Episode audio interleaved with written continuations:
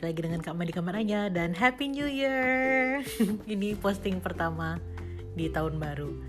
Uh, Sebenarnya nggak diniatin spesifik topik tertentu sih karena ini tahun baru, cuma karena kebetulan baru selesai nontonnya ini dan kayaknya hmm, dramanya lumayan unik. Ya dan bikin ma pengen mereview. Jadi ya kita jadikan saja drama ini sebagai drama pertama di 2021 Judulnya Choosing Spouse by Lottery. Aneh ya? Ketebak gak nih kira-kira ini drama apa? Ini drama Jepang. Uh, dramanya nggak terlalu panjang seperti biasa kalau drama Jepang kan rata-rata kayak 8 sampai 10 uh, episode gitu kan. Jadi cenderung compact dengan plot yang unik atau aneh banget gitu. Nah, kalau yang ini arahnya ke unik kalau menurut aku bukan aneh. Jadi kalau mau secara umum aduh aku sejujurnya nggak sabar banget nih mau cerita plotnya. Jadi drama ini uh, menceritakan tentang ada kebijakan baru di Jepang gitu. Jadi ceritanya kan karena angka kelahiran di Jepang kan rendah tuh. Jadi sudah mau minus apa sudah minus gitu deh. Nah terus uh, jumlah pasangan yang menikah juga turun gitu. Jadi kan bahaya. Karena akhirnya Jepang jadinya burdennya meningkat. Karena mereka lebih banyak uh, populasi tua dibandingkan populasi produktif gitu. Nanti kalau itu dibiarin terus lama-lama nanti orang Jepang habis gitu orangnya. Kurang lebih seperti itu. Nah, jadi pemerintahnya itu bikin kebijakan. Kebijakannya adalah mereka uh, membuat semacam mereka nyebutnya omiai. Omiai itu kayak blind date gitu deh. Jadi kayak perjodohan, perjodohan. Perjodohan apa blind date ya gitulah pokoknya. Jadi kayak semacam uh, perjodohan pakai lotre jadi kayak di random kayak gitu. Dan wajib diikuti oleh semua warga negara Jepang usia 20 sampai 40 tahun yang belum punya pasangan. Kurang lebih kayak gitu. Jadi uh, regulasinya itu aneh memang kan tapi ya itu regulasinya gitu. Terus mereka ada syaratnya pertama mereka boleh milih satu kriteria utama. Jadi kriteria utama tuh kayak semacam apa ya uh, major turn off atau major turn onnya gitu. Jadi intinya kayak pengen bangetnya kayak gimana atau yang nggak pengen bangetnya kayak gimana. Jadi kalau mereka uh, nulis itu dan ternyata pasangannya itu uh, apa namanya bener-bener bertolak belakang dengan kriteria mereka boleh auto reject gitu. Jadi kayak misalnya uh, mereka misalnya nulis ini nih, aku nggak mau yang rokok. Nah, kalau ternyata calon pasangannya yang lagi di apa namanya dicomblangin ini ternyata ngerokok, mereka boleh langsung reject tanpa ada penalti gitu. Nah, kenapa ada kata-kata penalti atau enggak? Karena di apa namanya di regulasi ini itu ada syarat. Jadi mereka cuma boleh nge-reject maksimal tiga kali kalau sudah tiga kali nge-reject mereka bakal uh, apa harus ikut wamil selama satu tahun kalau nggak salah. Tapi sebenarnya bukan wamil sih kata-katanya. Jadi kayak anti terorisme apa gitu. Jadi kayak ya semacam wamil lah ya. Kita anggap gampangnya aja. Jadi kayak mereka jadi disuruh ikut wamil selama satu tahun kayak gitu. Nah jadi cerita sebenarnya secara awal-awal banget itu kayak aku kan sudah aneh ini apaan sih? Tiba-tiba ada kayak regulasi undang-undang tentang apa namanya nyuruh kawin kayak gitu. Terus aku mikir awalnya ini nggak ada orang apa namanya uh, aktivis ham apa gitu ya. Cuma ini kan drama ya jadi mungkin uh, itu nggak hal yang pertama muncul gitu. Jadi uh, long story short uh, mulailah apa namanya uh, kebijakan ini gitu. Jadi mereka nanti cowok cewek itu dikumpulkan di satu ruangan besar nanti mereka diundi kayak gitu Nah, di sini pemeran utama itu sebenarnya ada dua set. Dua set kah nyebutnya empat orang deh, empat orang. Jadi dua cowok, dua cewek. Nah, cowok yang pertama itu uh, sebenarnya pemeran utama yang paling utama tuh yang dia nih, pemeran utama banget gitu. Namanya Tachan. Aku lupa nama panjangnya, tapi panggilannya Tachan. Tachan ini tipe cowok yang geeky, jadi dia tuh kayak apa ya? Otaku lah gitu kan jadi anime banget gitu. Tapi dia uh, bekerja dan sebenarnya dalam pekerjaannya dia bagus cuma dia orangnya sangat introvert gitu. Jadi dia pendiam terus agak penakut sama orang lain jadi kayak nggak banyak ngobrol. Terus dia mm, agak sedikit uh, neat freak gitu loh. Jadi dia kalau misalnya pergi ke mana-mana uh, ada apa namanya alat makan set sendiri. Terus kalau uh, pakai sedotan dia bawa sendiri. Terus kayak kalau abis apa namanya salaman sama orang dia cuci tangan. Apa bukan cuci tangan kayak kayak semprot semprot terus di depan orang kadang-kadang gitu. Jadi kayak dia suka, orang suka kayak ngerasa apa dia nggak sopan apa kayak gimana? Ya intinya aneh gitu lah. Nah si Tacan itu sebenarnya yang ngebawa uh, drama ini sampai ujung gitu. Jadi uh, apa ada Tacan itu sendiri terus ada sebenarnya ada pasangan cowok cewek. Jadi pasangan cowok cewek itu uh, yang cowoknya ganteng yang ceweknya cantik sebenarnya. Jadi mereka aslinya tuh pacaran. Tapi uh, si ceweknya sudah mau dinikahin cowoknya nggak mau. Jadi intinya cowoknya tuh uh, mutusin ceweknya. Jadi uh, ceweknya itu ditolak gara-gara dianggap kurang keibuan kurang lebih kayak gitulah. Karena si cowoknya pengen punya istri yang uh, keibuan kayak gitu. Jadi kayak uh, mater, punya maternal insting atau sesuatu lah kalimatnya. Nah terus satu lagi cewek lagi itu uh, kerjanya jadi perawat kayak gitu. Dia uh, perawat yang yang ada ibu single mother kayak gitu. Nah apa namanya kita tinggalkan dulu tiga pemeran yang lain kita fokus sama si Tachan itu dulu. Nah Tachan ini uh, apa ya suka nulis blog kayak gitu. Dia ngerasa nggak ada orang yang baca blognya kan. Terus kayak uh, semenjak dia ikut apa namanya uh, Omia ini jadi kayak apa namanya uh, blind dates ini setiap kali dia uh, ketemu sama orang baru gitu dia kayak dia tulis di blog gitu coba bukan dalam sudut pandang yang negatif jadi dia kayak menceritakan pengalamannya gimana. Dan setiap kali dia ditolak dia tuh yang nggak tersinggung atau nggak marah gitu loh. Malah sebenarnya ada kayak perasaan gimana ya, dia kayak segitu uh, pesimisnya gitu. Jadi kayak dia sudah kayak ngerasa ya udahlah semua orang pasti bakal ngerejek aku kok gitu kan. Tapi dia berusaha untuk mengerti alasan kenapa sih dia uh, apa namanya ngerejek aku alasannya apa kayak gitu. Jadi apa namanya dia jadinya berempati sama apa namanya cewek-cewek itu. Jadi mereka malah ngobrol kayak gitu. Jadi walaupun agak awalnya perempuan-perempuan itu juga ngerasa aneh ini orang kok apa namanya minum sedotannya kok diganti terus kayak gitu. Terus kayak ngomongnya tuh yang kayak dia uh, dikit-dikit banget terus dia apa ngebungkuk gitu kayak takut gitu kayak takut sama cewek gitu kan. Terus uh, satu-satu tuh diceritain tapi diceritain itu bagus gitu kata-katanya. Terus dia kayak menceritakan apa namanya orang tuh sebenarnya punya kondisinya masing-masing. Bukan karena apa dia jahat dia apa namanya memilih untuk nggak mau nikah atau nggak mau ngelanjutin apa date-nya kayak gitu karena mereka punya pertimbangan sendiri-sendiri gitulah jadi terlepas dari dia sendiri ada inferiority-nya, tapi dia juga berusaha untuk berempati sama pasangannya, bukan cuma mengasihani diri sendiri aja gitu loh. Yang aku paling ingat itu salah satu pasangan yang dia ketemu uh, di pasangan keduanya kalau aku nggak salah. Jadi pasangan keduanya itu umurnya udah 35, jadi uh, berapa tahun di atas dia gitu kan. Dan si apa namanya pasangannya yang cewek itu tuh uh, tipe yang wanita karir banget gitu dan dia memang uh, tidak berniat untuk menikah. Jadi dia tuh aseksual gitu kan. Jadi uh, waktu dia curhat sama si Tacan itu karena Tacan tuh kan sebenarnya kalau sudah agak lama dia enak ngobrolnya gitu jadi kayak cewek-cewek itu curhat sama dia gitu jadi di kasusnya cewek itu dia bilang bahwa uh, dia sudah terlalu sering mengalami pengalaman yang nggak menyenangkan dengan laki-laki intinya kayak gitu jadi intinya dia memutuskan kalau dia tidak mau menikah dan dia merasa sangat sedih dan sangat tersinggung kenapa negara memaksa harus menikah seolah-olah aku jadi less of a person kalau aku memilih untuk tidak menikah kayak gitu. Masalahnya itu kan keputusan pribadi harusnya mau menikah atau tidak atau misalnya mau punya anak atau tidak gitu. Jangan jangan sampai diatur sama negara kayak gitu maksud dia kayak gitu. Jadi kayak itu ngerasa tidak adil kayak gitu.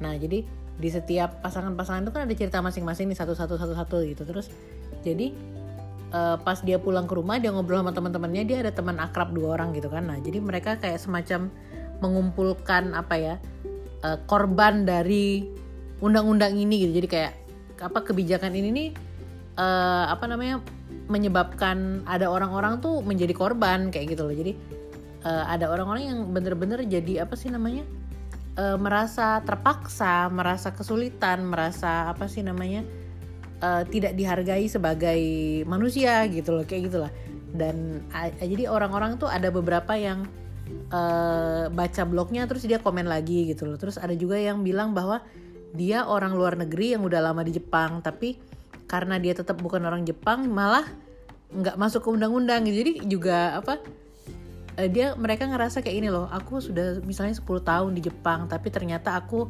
masih kurang cukup Jepang untuk diakui sebagai orang Jepang kayak gitu. Jadi ada rasa sedih malah jadi nggak nggak terinklusi di undang-undang itu. Jadi kayak ya banyak kan sudut pandang orang terkait suatu undang-undang kayak gitu kan. Padahal maksud aku ya ini kan kayak undang-undang main-main ya tapi cara mereka uh, apa namanya mengemasnya itu serius gitu. Jadi kita pikir oh iya bener juga ya. Jadi ada mulai dari apa namanya orang yang memang nggak mau nikah tapi kok dipaksa nikah gitu. Terus ada juga orang-orang yang dia uh, misalnya ini apa nggak bisa punya anak kayak gitu.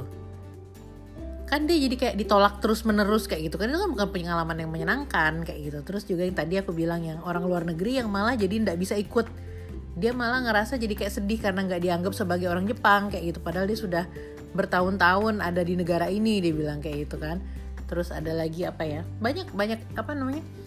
Jenisnya kayak gitu. Banyak variasinya. Sampai juga tapi ini bukan apa namanya uh, komen atau bukan tulisan di blognya Tacan tapi mereka sering nonton di TV gitu kan. Jadi uh, juga ada ternyata kekerasan uh, terkait ini gitu. Jadi kayak cowok-cowok yang misalnya nih ceweknya mau nolak terus mereka nggak mau ditolak kayak gitu. Terus dia kayak melakukan kekerasan sama ceweknya gitu. Terus ada juga yang uh, misalnya ceweknya tuh sudah ngerijek dua kali. Kan dia nggak bisa ngerijek satu lagi kan? Kalau dia ngerijek terakhir artinya dia harus masuk wamil gitu. Nah apa cowok-cowok yang jahat yang tahu kalau dia sudah apa namanya di sudah ngerijek dua kali dan tinggal punya satu peluang lagi itu memanfaatkan. Kayak gitu ada yang apa namanya memeras minta duit ada yang maksa ada yang sampai apa kekerasan kayak gitu. Jadi kan itu meningkatkan angka kekerasan jatuhnya kayak gitu. Jadi kan juga kayak apa ya e, banyak banyak sudut pandangnya kayak gitu. Jadi sebenarnya banyak juga yang mempertanyakan ini sebenarnya perlu dilanjutkan nggak sih kebijakan ini kayak gitulah kira-kira. Gitu. Terus apalagi ya? Oh jadi itu kan uh, secara umumnya kayak gitu. Jadi plot itu mulai bergerak mulai di partner ke tiga atau eh keempat apa kelimanya Tacan gitu. Jadi akhirnya di apa namanya hampir episode-episode kelima apa enam aku lupa deh. Episode kelima atau keenam itu si pemeran cowok yang ada pas aku bilang tentang pasangan yang pasangan yang harusnya sudah menikah tapi cowoknya nolak ceweknya itu kan karena dia kurang keibuan. Nah cowok itu akhirnya ketemu sama cewek yang kerjanya jadi perawat gitu loh jadi nurse. Jadi dia kayak bener-bener apa ya seneng banget gitu tapi cewek itu karena agak mirip Tacan gayanya. Jadi dia kan ngerasa kayak dia nggak cantik banget terus nggak yang wah banget nggak mewah banget. Terus dia ketemu sama cowok yang kalau mereka nyebutnya ikemen gitu kan kayak cowok keren sukses kaya gitulah. Nah dia tuh kayak nggak apa ya minder gitu loh. Emang kamu nggak apa-apa sama aku kayak gitu kata-kata dia.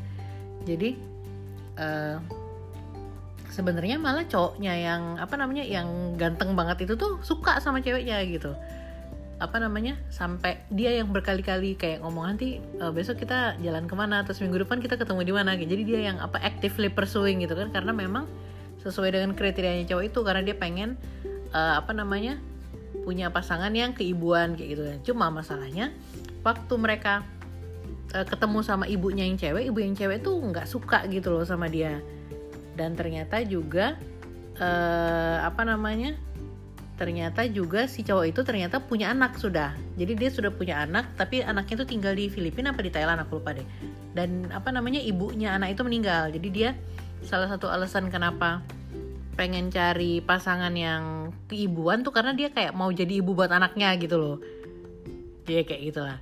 Tapi sempat agak ya tentunya ya kalau ada apa ada konflik dari ibunya terus ternyata tiba-tiba dropping the bomb tiba-tiba ngomong kalau dia punya anak ya kaget lah kan ceweknya terus akhirnya ceweknya kayak sepihak mutusin gitu loh karena dia kayak ngerasa apa sih uh, kaget banget gitu like she didn't see it coming kayak gitulah sudah itu uh, plot yang itu kayak apa ya kalau aku nyebutnya micinnya lah bumbunya. Kalau menurut aku sih nggak perlu ada cuma ya nggak apa-apa lah karena untuk memperlihatkan variasi pasangan yang ada kali di apa namanya di uh, regulasi ini gitu kan. Nah lanjut lagi balik ke Tacan.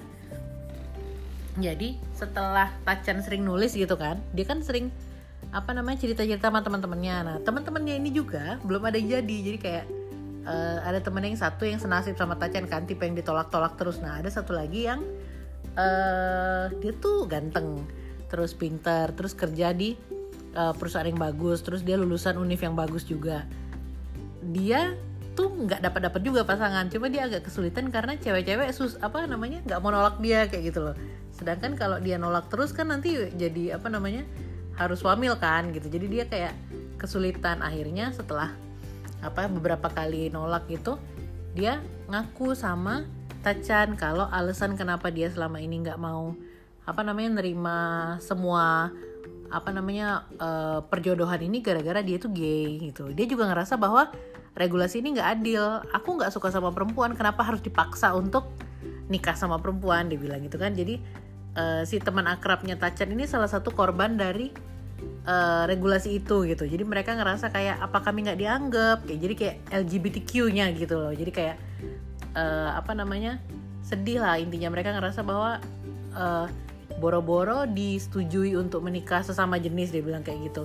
Dengan regulasi yang sangat apa namanya hetero sekali ini tuh menyebabkan kami ngerasa kayak nggak dianggap keberadaan kami sama negara. Itu di sana juga kalau aku nggak salah disebut juga kayak populasi gay di Jepang itu sekian persen bilang kayak. Jadi kok bisa sih membuat regulasi yang bener-bener apa seolah-olah nggak ada kami itu itu jadi dia kayak kecewa banget lah gitu. Nah karena si Tacan itu dengar cerita temennya yang sedih kayak gitu dia mikir apa kita harus melakukan sesuatu dengan ini? Apakah kita harus menuntut amandemen tentang undang-undang ini? Kayak itulah kira-kira. True ya. Jadi uh, akhirnya kan Tacan aslinya memang suka ngeblok kan. Nah di blok dia ngeblok lagi dia tulis gitu kan. Terus itu dia bilang gimana kalau kita masukin ini ke media mainstream? Dia bilang. Terus akhirnya si Tacan itu baca-baca undang-undang segala macam terus dia cari regulasi mengenai apa namanya perlindungan terhadap populasi minoritas kayak gitu lah terus tentang LGBT segala macam terus hak asasi manusia. Nah di situ baru nongol masalah hak asasi manusia.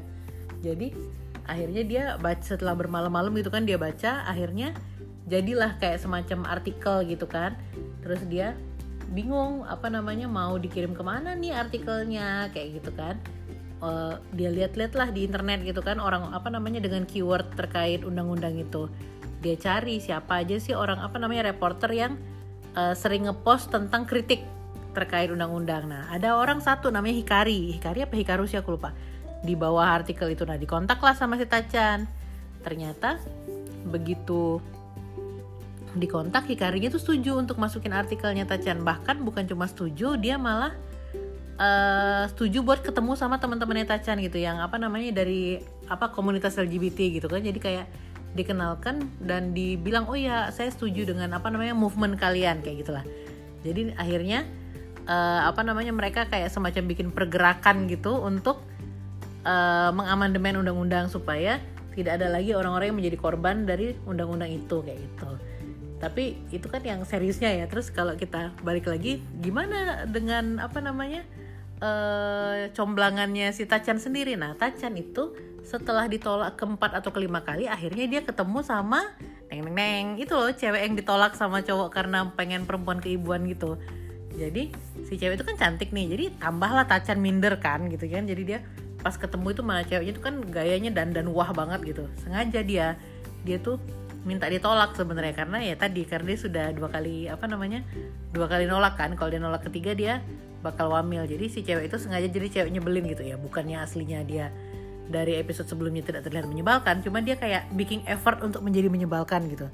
Pakai apa dress uh, wah gitu kan keren. Terus gayanya gimana banget gitu. Jadi bikin Tacan tuh tambah minder kayak gitu kan. Tapi malah uh, apa namanya si cewek itu jadi pengaruh yang positif buat Tacan surprisingly. Karena kan dia demanding kan. Jadi dia itu yang kayak galak terus cerewet kayak gitu.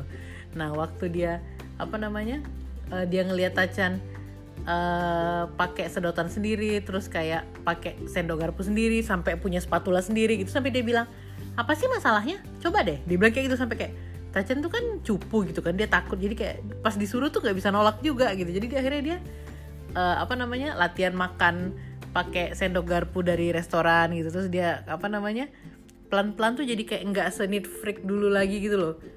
Terus yang lucu juga setiap kali mereka ketemuan lagi itu yang menginisiasi ketemuan lagi itu ceweknya gitu. Jadi kayak awalnya kan sebenarnya ceweknya tuh pengen diputusin kan. Jadi dia dianya yang pengen ditolak kan. Nah waktu apa namanya waktu pertama kali itu dia kan kayak uh, apa namanya membuat gimana caranya supaya si cowoknya itu mau nolak itu cuma kayak si cowoknya kan ketakutan duluan sudah keburu minder duluan gitu. Dia sampai bilang kamu kalau mau mutusin eh kalau mau nolak aku nggak apa-apa kok gitu. Masalahnya ceweknya nggak bisa bilang aku bukan nggak mau nolak kamu tapi aku udah abis stok nolak gitu loh. Jadi kayak awkward lah kayak gitu kan. Cuma yang paling lucu uh, setiap kali mereka kan misalnya udah habis uh, ketemuan nih omnya yang apa namanya uh, blind date yang pertama gitu. Terus di jeda dari, dari blind date yang pertama dan kedua tuh kayak nggak ada apa sih nggak ada kabar gitu loh. Jadi cewek itu kan sebagai cewek cantik yang sudah biasa dikejar-kejar dia bingung ini orang kok nggak ngontak aku lagi? gitu. Bahkan kayak apa namanya HP-nya dianggurin aja nomor aku dianggurin aja. Aku nggak di WhatsApp nggak di apa ya bukan WhatsApp ya kalau di Jepang. Aku nggak di line aku nggak di chat aku nggak di telepon kayak gitu loh. Kok nggak bikin janji lagi? Jadi malah ceweknya tuh kayak apa namanya uring-uringan gitu loh. Akhirnya uh, mereka ketemu lagi. Kalau aku nggak salah pas mereka ketemu kedua apa ketiga gitu yang eh kedua kah? Ketiga kah? Lupa lupa. Uh, yang akhirnya uh, cowoknya bilang oh kalau emang kamu pengen aku yang nolak aku nggak apa-apa kok aku yang bantu nolak. Bilang gitu. Jadi uh, cowoknya akhirnya yang si Tacan yang akhirnya volunteer untuk nolaknya. Tapi sebenarnya interaksi mereka pada saat kayak makan bareng itu lumayan menyenangkan. Jadi sama kayak yang aku bilang tadi si Tacan jadi belajar supaya uh, terlalu need freak lagi. Terus si ceweknya itu diajarin masak sama Tacan ya. Sebenarnya kalau dibilang masak bukan masak juga sih. Masak okonomiyaki itu dibilang masak nggak sih? Yang apa namanya? Uh, masukin adonan-adonan dalam mangkok terus diulul-ulul terus masukin di panci apa namanya? Panci lagi. Di pan panas gitu kan. Ya kalau menurut uh, cewek itu dia nggak pernah masak sama sekali itu termasuk masak ya itu termasuk masak lah artinya jadi uh, sebenarnya mereka sama-sama kayak punya apa pengaruh baik gitu loh satu sama lain. Uh, sebenarnya ya waktu episode yang si Tacannya bilang ya udah aku nggak apa-apa kok aku aja yang nolak gitu. Sebenarnya sedih sih karena aku berharap ini berlanjut gitu kan. Nah kita kembali lagi ke masalah amandemen undang-undang itu. Jadi pas amandemen itu kan mereka kayak ngepush kegiatan kan. Jadi mereka rally lah mereka pergi apa namanya talk show ke mana talk show ke mana gitu. Nah salah satu tempat talk show mereka adalah ke radio. Dan dan apa namanya? Cewek itu si siapa namanya? Kok aku lupa Nana? Nana kah? Ya Nana kayaknya. Nana itu kerja di sana gitu. Bahkan dia kayak nungguin gitu jadi pas si Tacannya mau keluar Nana itu nungguin. Jadi kayak nungguin buat mau ketemu gitu. Lucu gak sih? Ya aku kayak ya ampun adorable. Jadi kayak si Nananya tuh yang kayak nyamperin nanya gitu. Oh kamu dari ASB ya? Jadi ASB itu kayak nama komunitasnya mereka gitu kan terus.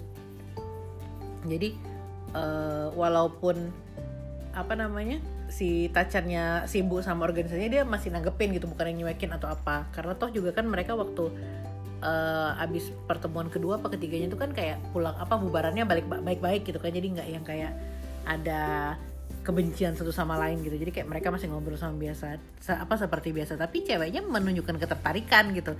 Tachan itu bukan gak tertarik dia suka juga dari awal. Tapi dia kayak pertama udah mikir kayak ah nggak mungkin lah cewek kayak gitu mau sama aku itu satu. Kedua dia lagi sibuk buat ngepush amandemen undang-undang kan? Masa sih dia bersenang-senang dengan apa namanya eh, kondisi yang diciptakan oleh undang-undang gitu loh? Jadi dia kayak merasa takut hipokrit kayak gitulah jadi ya gitu. Tapi aku sih menikmati sih pas bagian yang apa namanya Nana nungguin dia di depan radio kayak gitu kan sambil ngobrol sambil ketemu gitu terus juga ada momen yang tacannya jealous kayak gitu. Lucu lah pokoknya ya mereka tuh untuk ukuran orang yang apa bukan pacaran bahkan sudah di reject gitu kan tapi masih interaksinya lucu gitu.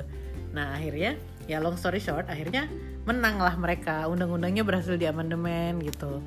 Dan uh, ini kan super happy ending ya jatuhnya. Uh, apa namanya film Jepang nih menyenangkan sih. Jadi episodenya pendek terus compact padat ada moral storynya terus seru unik ya apa ya? Aku kayaknya banyak banget mujinya. Pokoknya kayak gitulah kira-kira. Ya menyenangkan sih. Menyenangkan banget. Jadi akhirnya mereka kayak jalan bareng gitu. Cuma belum ada omongan mereka pacaran atau apa sih. Tapi kayak akhirnya mereka jalan bareng gitu. Terus si apa namanya si Tacan jadi lebih bisa ngomong dengan orang lain terutama dengan cewek juga jadi lebih bisa ngomong terus dia jadi nggak kaku. Terus yang nggak apa namanya di kantor juga jadi apa punya kehidupan sosial yang baik. Jadi kayak ada perubahan lah gitu. Oke ini plotnya aku terlalu panjang dan terlalu spoiler ya nggak apa-apa tapi aku excited banget soalnya bagus gitu. Oh terus sekarang pasangannya tentu saja Tachen sama Nana dong gitu. Sebenarnya itu pasangan yang dari apa namanya hasil undang-undang yang akhirnya berhasil di amandemen itu kan. Tapi selain dari itu salah satu relationship yang aku mau highlight sebenarnya relationship antara Hikaru yang tadi aku bilang reporter itu sama perdana menterinya. Jadi plot twist yang ada di drama ini itu adalah si Hikaru yang yang reporter yang nggak setuju dengan undang-undang itu ternyata anaknya dari perdana menteri gitu jadi dan setelah dilanjutkan di episode berikutnya baru ketahuan bahwa alasan kenapa Hikaru nggak setuju dengan regulasi itu karena Hikaru itu gay. Jadi Hikaru Hikaru itu ya gay. Dia lesbian gitu kan. Jadi uh, dia tuh sedih waktu dia akhirnya berusaha untuk ngomong sama ibunya bahwa ibu aku apa dibilang apa aku pengen nikah dibilang gitu. Terus dia kasih lihat lah foto partnernya kan gitu. Terus terus ibunya bilang aku salah apa sih ngebesarin kamu sampai kamu jadi kayak gini? Jadi kayak dia ngerasa ditolak gitu kan dianggap bahwa dia tuh produk salah produk gagal. Sedih sih tapi sesudah di episode 7 episode 8 itu mereka akhirnya uh, baikan tapi bukan baikan yang cepat tiba-tiba jadi baikan menerima kembali nggak jadi pelan-pelan. Tapi menurut aku malah lebih realistis yang kayak gitu. Ini kan big deal loh masalah coming out dengan orang tua gitu kan. Kalau dia tiba-tiba jadi oke okay langsung 24 jam ya aneh juga gitu. Jadi menurut aku selain pasangannya apa Tacan dan Nana yang saling apa namanya membangun satu sama lain secara positif itu aku juga suka apa namanya? Uh, relationshipnya si Hikaru sama ibunya yang perdana menteri gitu. Keren lah. Oke okay, sekarang nilai nilai nilai. Uh, nilai review ini kalau aku kasihnya delapan setengah. Karena itu tadi compact plotnya bagus refreshing dan ada cerita ada pesan moralnya gitu. Aku gak kebayang sih dari apa namanya undang-undang yang lucu-lucuan gitu. Ternyata banyak sekali plot yang bisa muncul terus banyak apa cerita-cerita yang touching yang muncul dari kondisi yang kejadian gitu kan. Terus juga ada apa namanya e, banyak pelajaran tentang LGBT tentang bagaimana cara mengamandemen undang-undang kayak gitu kayak gitu deh.